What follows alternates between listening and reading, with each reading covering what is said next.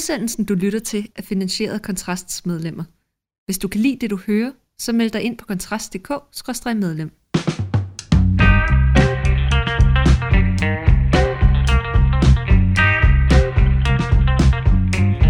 Men, en ting, der, altså, det var, at øh, altså, nu er du jo sådan damen her på redaktionen, ikke? Så hvis vi sådan ligesom skulle leve op til det, hvem er, altså, kan vi ikke snakke om, hvem der er den hotteste politiker på borgen? Ah, jeg ved ikke. Jeg havde tænkt på, at vi kunne tale uh, Rwanda, og sådan at blive lidt tekniske, og faktisk gøre folk lidt klogere på, om det kan lade sig gøre eller ej, siden det var et stort emne i debatten. Jeg synes altså, det andet kunne noget. Okay, okay, ja. ja. jeg kan også se, at vi optager. Okay. Men øh, velkommen til, øh, til anden udgave af Kontrasts ny podcast, øh, Fyraften med Kontrast, så, øh, som vi er, er i gang med nu. Og sidste titel på, på vores podcast, den havde jo som bekendt, bliver det aldrig valg ever, som refererer et meme tilbage fra, så vidt jeg husker, 2011. Det blev valg, og øh, det blev simpelthen udskrevet i går kl. 13 af statsministeren på Marienborg som et utal af politiske kommentatorer og analytikere, de ligesom havde spået det vi blive. Og jeg sidder lidt og tænker, Astrid, det er jo, det er jo, altså, det er jo ikke nogen, nogen hemmelighed for, for dem, der følger kontrast. Vi har jo, vi har jo faktisk gribbet hele øh, Ny Borgerliges folketings, øh, ikke deres folketingsgruppe, men deres sekretariat for de allermest kompetente medarbejdere, dig og Rasmus Ulstrup. Er du ikke, er du ikke lidt ked af, at, øh, at du ikke længere sidder derinde? Og jeg vil sige, det er faktisk øh, det er lidt en smule vemodigt, ikke? Altså, jeg havde jo tænkt, at jeg skulle endelig opleve en valgkamp indenfra og prøve at være med i maskinrummet, og nu må jeg så, ligesom alle jer andre dødelige mennesker, se det på, øh, på mit fjernsyn i stedet for. Så øh, jo, det gør det lidt ondt. Men øh, apropos ting, der gør ondt, Mikkel, du skulle have været i debatten ja, jeg var jo... Altså, altså det, jeg ved ikke, folk, der sådan ikke er, er færdige øh, så, så hjemmevandt i de københavnske salonger og studier, som øh, undertegnede naturligvis gør, øh, så, så, de, så ved de måske ikke, at, at debatten er jo sådan det eneste sted, hvor de altid legner utrolig mange op, mange flere, end de skal bruge. Og jeg var en af dem, der sådan var legnet op. Jeg blev rent kontaktet i, i går, og de spurgte, vil jeg, vil jeg komme i debatten? Og der var en masse logistiske udfordringer, men jeg fik dem løst, og jeg sad klar. Og så blev jeg så aflyst kl. 13.12. Men det er jeg overhovedet ikke særlig ked af, der vil der ikke Nej. have været noget sjovere for mig som chefredaktør, end at stå dagen efter valget var blevet udskrevet og kloge mig på vegne af både mig selv og det her medie på landsdækkende tv. Så det er jeg overhovedet ikke bitter over, og jeg er sikker på, at den, som i øvrigt er- sandsynligvis er castet til at udfylde min rolle, kommer til at gøre det virkelig dårligt, hvem det så end er. Og du virker slet ikke bitter. Nej, nej, nej, Nej. nej. Jamen, det, tænker jeg, det tænker jeg heller ikke. Men altså, man kan jo sige, det, det store tema, som ligesom blev slået an af, af vores stadigvæk et par uger endnu, statsminister, det var jo ligesom øh, det, det her, øh, og hun har, hun har refereret til det tidligere, men nu bliver det slået fast som sådan et valgtema for alvor, ikke? Vi skal have den her brede regering hen over midten i krisetider, underforstået formodentlig ledet af Mette Frederiksen. Hvorfor gør hun det? Ja, men det ligger jo i det her, at, øh, at bevare trygheden, at så er man inde på midten, og så er det nogle brede forlig, og det er der jo også en del vælgere, der gerne vil have. Så det er nok meget fornuftigt, øh, at det er ikke tid til eksperimenter. Øh, ja, hvad tænker du? Altså, jeg, jeg ved det. Altså, man må jo sige, hvis man ser tilbage på forrige valg, så lykkedes det jo for, for Lars Løkke Rasmussen, efter at han, havde, at han havde slået sig op på, at Radikal ligesom var hovedfjenden, så fandt han jo ud af, af, af samarbejde, i samarbejde med sit bureau, det er ham, det her, han hedder Hjaltelin, så fandt de jo så ud af, at en, at en regering henover midten, det var vist noget, der polede ret godt, så vidt jeg husker, Berlinskes artikel om det.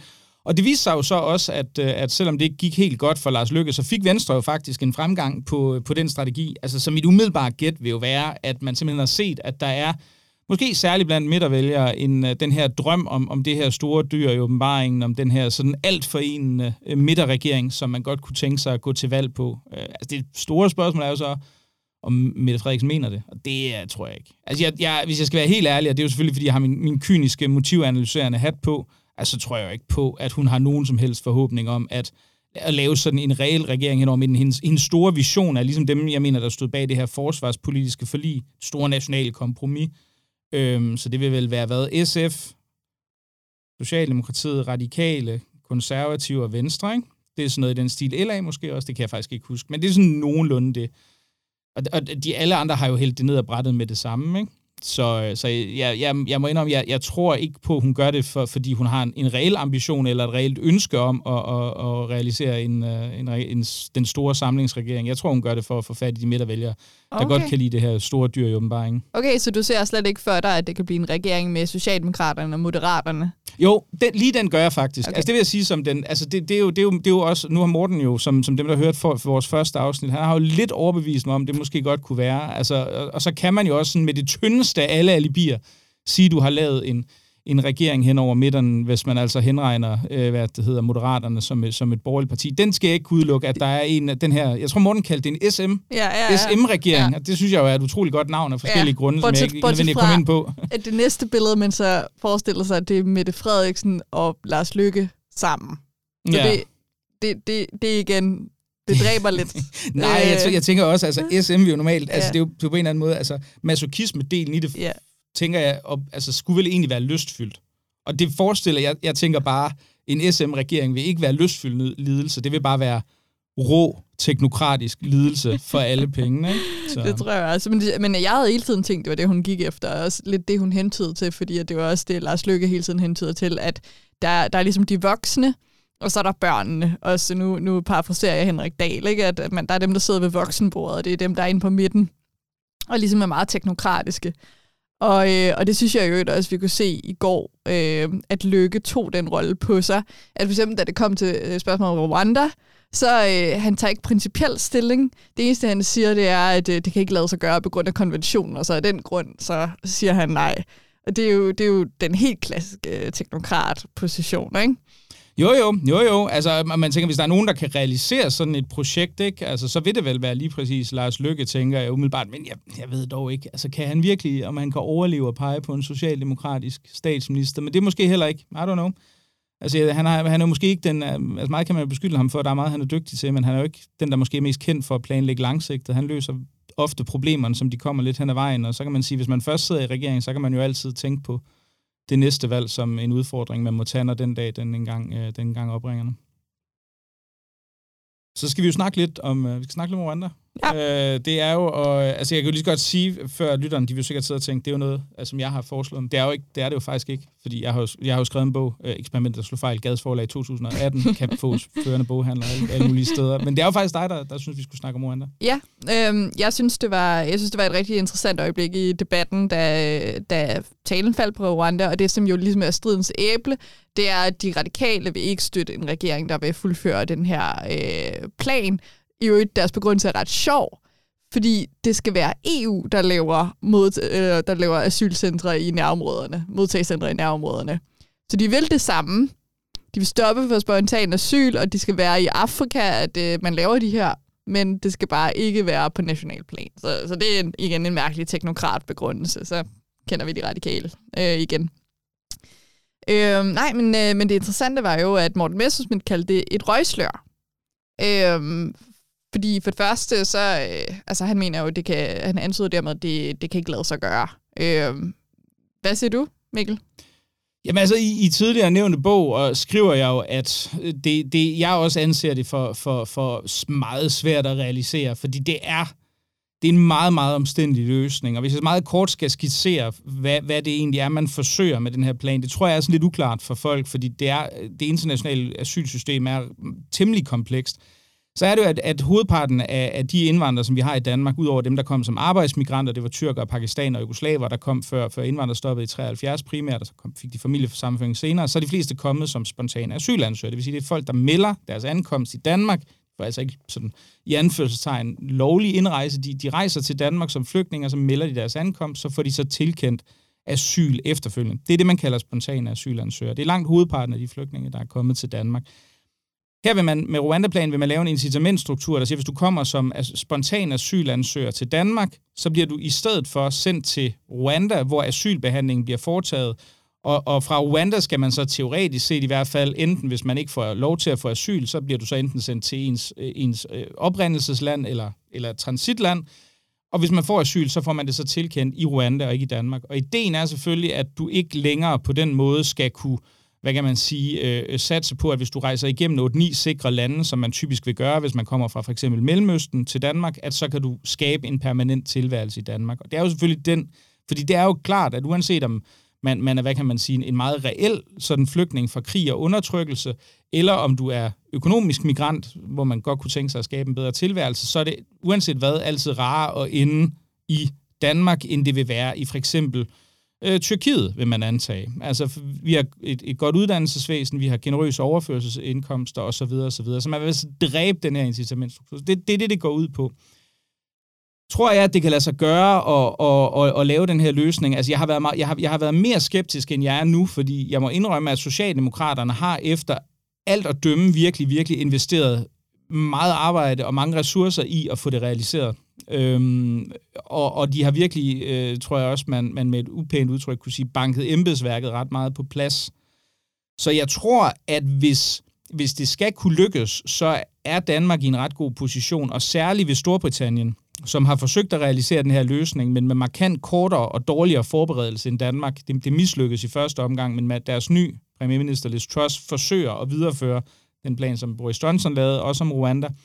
Hvis det lykkes, nu kan man sige, Liz Truss har, har andre store udfordringer end, end Rwanda lige nu, men hvis det på et tidspunkt lykkes, så tror jeg, at Danmark vil være et sted, hvor så kan vi ikke alene sige, at vi har forberedt vores hjemmearbejde rigtig godt, for det har Danmark i forhold til det her, men vi kan også ligesom ligge os i slipstrømmen af et markant større lands succes.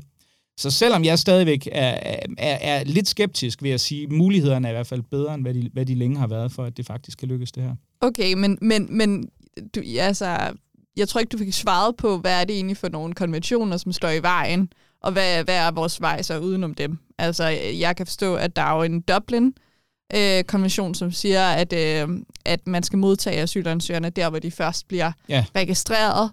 Øhm, og så er der vel også, er der ikke også nogle øh, menneskerettighedskonventioner, der Altså, der er FN's flygtningekonvention fra, fra 51, øh, øhm, og, og, og den er jo sådan en, hvad kan man sige, en, en konvention, som Danmark har tilsluttet sig. Så er der øh, den europæiske menneskerettighedskonvention, som først i 90'erne, og det er måske den største, den største udfordring i forhold til den her model.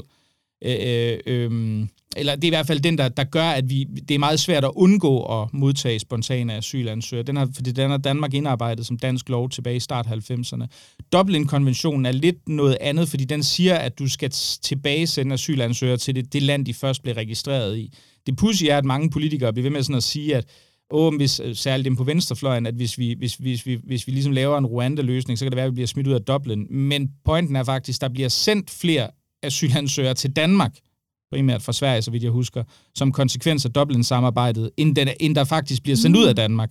Så lige nu er, hvis man kigger meget kynisk på det, så er Dublin-forordningen netto en ikke særlig optimal løsning for Danmark. Så det, det at vi ikke skulle være med i det samarbejde, er måske ikke det er måske ikke den voldsomste trussel, som man kan diske op med. Men altså, der er flere kommissærer som, og, øh, eller, øh, og EU-repræsentanter, som har været ude at sige, at himlen falder ned, hvis Danmark skulle gennemføre den her, den her plan. Men det tror jeg ikke nødvendigvis, Socialdemokraterne er så nervøse for. Hvis vi nu leger med tanken, at øh, lad os sige, at øh, det her bliver gennemført, og, og så bliver tolkningen, vi bryder med Dublin, øh, hedder det, forordning eller konvention? Ja, det er, no, det er en tekst, okay. der er i Dublin-forordningen. Ja, ja okay. præcis. Der er nogle, nogle stipulationer der, ja. Øh, altså, hvad, hvad kan der reelt ske? Hvad vil konsekvensen være?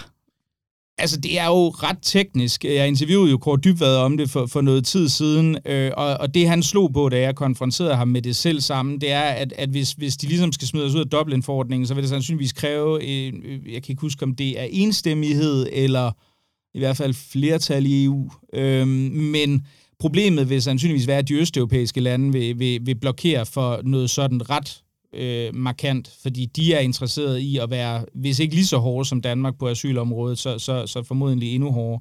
Så, så jeg tror ikke, det er det, man skal frygte så meget. Altså, altså jeg, jeg tror, de, de repræsalier, også fordi man kan sige, at dansk indvandringspolitik er jo reelt blevet noget, som bliver emuleret og efterlignet i mange europæiske lande. Så jeg tror ikke, det er der, vi skulle være nervøse for de voldsomme mm. repræsalier. Det var mere, hvis man gjorde det, som, som jeg argumenterer for, at man skulle gøre, og også gør i den nævnte bog, og det er jo at sige, jamen prøv at vi, vi, vi stopper behandlingen af spontane mm. asylansøgere. Vi, vi, vi, vi, vi ser helt bort fra Rwanda som løsning, og så går vi ind, og så siger vi i stedet for, jamen prøv at høre, hvis du kommer til Danmark, kommer du per definition gennem et sikkert transitland. Mm. Fordi der er ikke nogen krigsførende lande ved mm. siden af, af Danmark. Det, det, øh, øh, det, det har vi ikke, man kan argumentere for. Ja. Vi har Rusland på den anden side af Østersøen. ja. Det er selvfølgelig en diskussion, der kunne være interessant nok. Vi russiske flygtninge være berettiget til asyl som, en, øh, som med Danmark som et naboland? Måske. Mm. Men lad os, lad os lade den, den diskussion ligge. Øhm, Pointen er bare, at hvis du kommer til Danmark som spontan så er du altså, særligt hvis du kommer fra Mellemøsten, og det er jo naturligvis derfra, de mest problemprægede mm. grupper kommer, så vil du automatisk være kommet igennem sikre transitlande. Mm. Du er altså i lande, hvor du ikke på nogen måde er truet på dit liv, eller dit helbred, eller, eller andet, fordi det vil være Tyskland, øh, du kommer igennem, eller Polen, eller, mm. og, og mange andre lande før det. Så du har ikke et akut beskyttelsesbehov, der tilsiger, at du skal, du skal have asyl i Danmark. Mm. Så derfor mener jeg jo, at det logiske vil gøre, at hvis du skal kvæle den her incitamentstruktur og sige, det her nytter simpelthen ikke noget, det kan ikke nytte noget, at vi belønner de her relativt mest ressourcestærke, der rejser igennem mange, mange sikre lande. Helt utrolig meget. En asylansøger i Danmark koster 2015-tal. Første år 216.000 kroner. Noget i den stil. Helt uproportionalt meget, og så ignorerer de relativt svagere tilbage i, i nærområderne. Altså, så det er jo det, jeg mener, man skulle gøre. Hvis man gjorde det, så vil vi have et, så vil vi have et langt større problem. Ikke? Fordi okay. så, så, så, vi, så vi, og det er jo det, som Kåre Dybvad også fremhæver i samme interview, så har vi nogle nabolande, der formodentlig vil blive rigtig, rigtig sure, fordi så vil, vi, så vil Danmark reelt underminere noget af det allermest centrale i, i det fælles europæiske asylsystem. Og det vi jeg synes var godt, at man gjorde, fordi mm. det asylsystem er, er helt utroligt defekt. Hvorfor det er det? Vi, kan man enten læse bogen eller følge med i en anden podcast? Og ja, vi ikke alle sjovt nok er enige om. Altså, øh, Sofie Carsten Nielsen sagde jo også, jeg er overbevist om, at det nuværende asylsystem er defekt, så vi har brug for en europæisk løsning. Det var så sjovt, altså som om man lige kan trække en ny løsning i en, i en automat, ikke? Og hvad, hvis noget kan påvirke EU, så tænker jeg egentlig, at det er et land, som viser en anden vej. Altså. Ja, ja, men altså, der er jo også altså, der er jo så mange sådan nogle, altså nu i samme debat, så tror jeg, at Alex Vandopslag, som jeg jo ellers er meget begejstret for, formåede at sige, at at vi skulle forsøge at overbevise alle de andre lande til at ændre asylkonventioner. Der er sådan lidt, jeg har beskæftiget med det her lang tid, og held og lykke med det. Ej. Altså, det, det, det kommer ikke til at ske. Øh, øh, slet, ikke, slet ikke de FN-baserede. Altså, man skal tænke på, der er for, for, på, på global plan er der meget store interesser forbundet med de her asylsystemer for nationalstater. Det er ikke sådan, fordi det er sådan noget med, at så vil det være Eurabia eller sådan et eller andet. Nej, det er simpelthen fordi øh, øh, de remitter, altså de penge, som mange hvad kan man sige, flygtninge sender hjem til deres oprindelseslande, er, er som regel ja.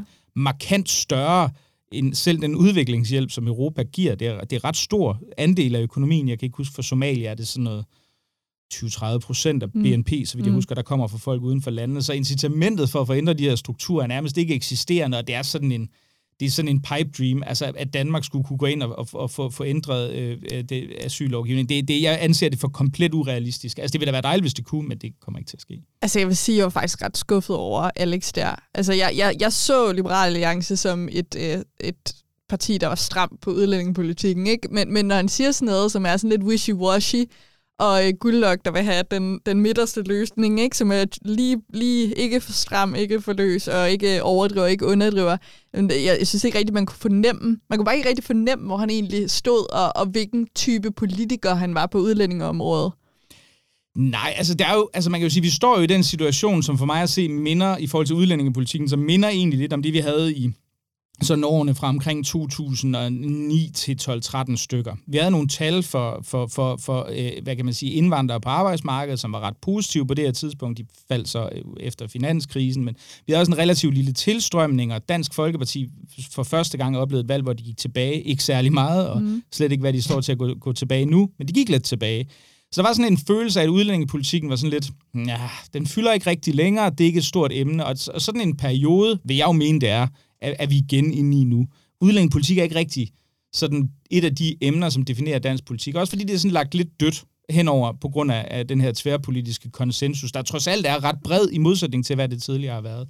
Jeg tror dog, der er en, virkelig, der er en vigtig nuancering, når det kommer til det her med, at, vi, at man siger, at udlændingepolitikken er død fordi det er både rigtigt og forkert. Det gør, at den sådan, øh, parlamentariske død, forstået på den måde, at der er så stor enighed, og det er blevet så meget normaliseret, det til at forhandle om. Det er ikke det, som, som skiller partier dødeligt ad, måske.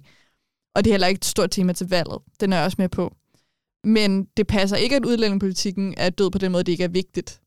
Fordi jeg vil tro, at der er 10 procent af vælgerne, altså jeg selv er en af dem, hvor det er det vigtigste emne overhovedet, og det kan være det, der afgør, hvor man sætter sit kryds. Mm. Så på den måde, så tror jeg, at for alle højrefløjspartierne i hvert fald, så er det meget, meget vigtigt at lægge sig det rigtige sted og sørge. Altså i hvert fald, hvis der er 10 procent af vælgerne, hvor det er det vigtigste, så handler det stadig om at være sådan meget følsom over for dem.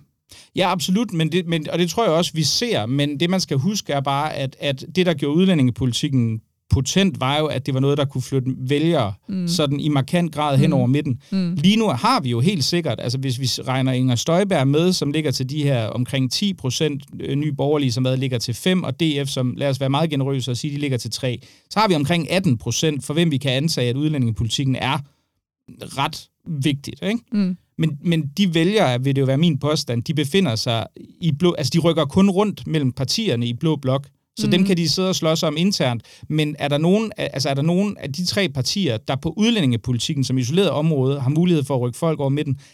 Det tror jeg ikke rigtigt. Det skulle måske lige være Inger Støjberg, som har mulighed for det, men der tror jeg måske, det er nogle andre mekanismer, der er i spil. Der er det mere den anti-elitære provinsdagsorden, ja. som vinder folk ja. over, og ikke udlændingepolitikken, fordi, jeg vil også sige, hvis vi skal være helt realistiske, nu har vi jo ikke set, selvfølgelig har Inger Støjberg det her ultimative strammer, udlændingepolitiske strammer image over sig, men hvor meget strammere end Socialdemokratiet er hun, vil hun i praksis være? Det synes jeg er et lidt åbent mm. spørgsmål. Mm. Altså, hvad er det? Jeg har ikke set nogen sådan forslag, som... Det, jeg skal ikke udelukke, de ligger der, jeg følger ikke med i alt men som er sådan markant hårdt Socialdemokratiet, hun har præsteret. Jeg kan ikke komme på den igen. Det Nej. kan være, de findes, men øh, jeg kan ikke lige komme på den. Nej, jeg, jeg tror det heller ikke. Altså det, men det skulle være, øhm, apropos træk øh, vælger ind over midten, altså det kunne være derfor, at Morten Messerschmidt er så interesseret i at kalde den her løsning for et røgslør. Mm. Altså fordi, at øh, der, der er det jo tydeligt, at Socialdemokratiet og DF kæmper om nogle af de samme vælgere. Og hvis han så kan overbevise dem om, at øh, selvom jeg er, sikker på, jeg er nemlig sikker på, at at de vælger vil gerne have et modtagecenter i Rwanda.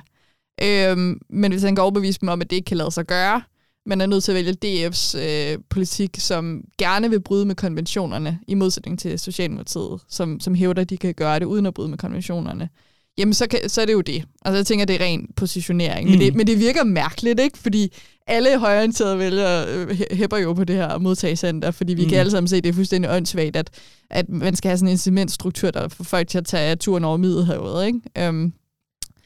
Jo, jamen, øh, ja, og jeg, og jeg er helt enig. Altså det, jeg jo synes er det spændende, det er at se på, hvordan altså, hvordan kommer en blå regering med, med vil lad os antage, at det bliver en VK plus det løse øh, regering, som kommer til efter valget, hvordan, altså vil de lægge lige så mange kræfter i at få udmyndet den her plan? Fordi det kræver meget, altså der, der, der skal investeres politisk kapital og ressourcer og bankes embedsmænd på plads og alt muligt andet, for at få det her til at lykkes, fordi der, der er rigeligt, der kommer til at... Og du skal også være villig til at modstå voldsomme shitstorm, fordi når der først er folk, der bliver placeret i nogle, øh, altså i nogle ja. fly, så kan jeg godt love dig for, at venstrefløjen brænder fuldstændig yes. af. Yes. Så du skal investere meget i det, og der, ja. der er jeg jo sådan lidt, øh, man kan man sige, altså hvor meget, hvor meget er man villig til, og så fra særligt måske Jacob Ellemanns side, at investere i at realisere den her plan, som i øvrigt er udtænkt af Socialdemokraterne. Det synes jeg bliver et, et rigtig interessant spørgsmål sådan at, at følge fremadrettet.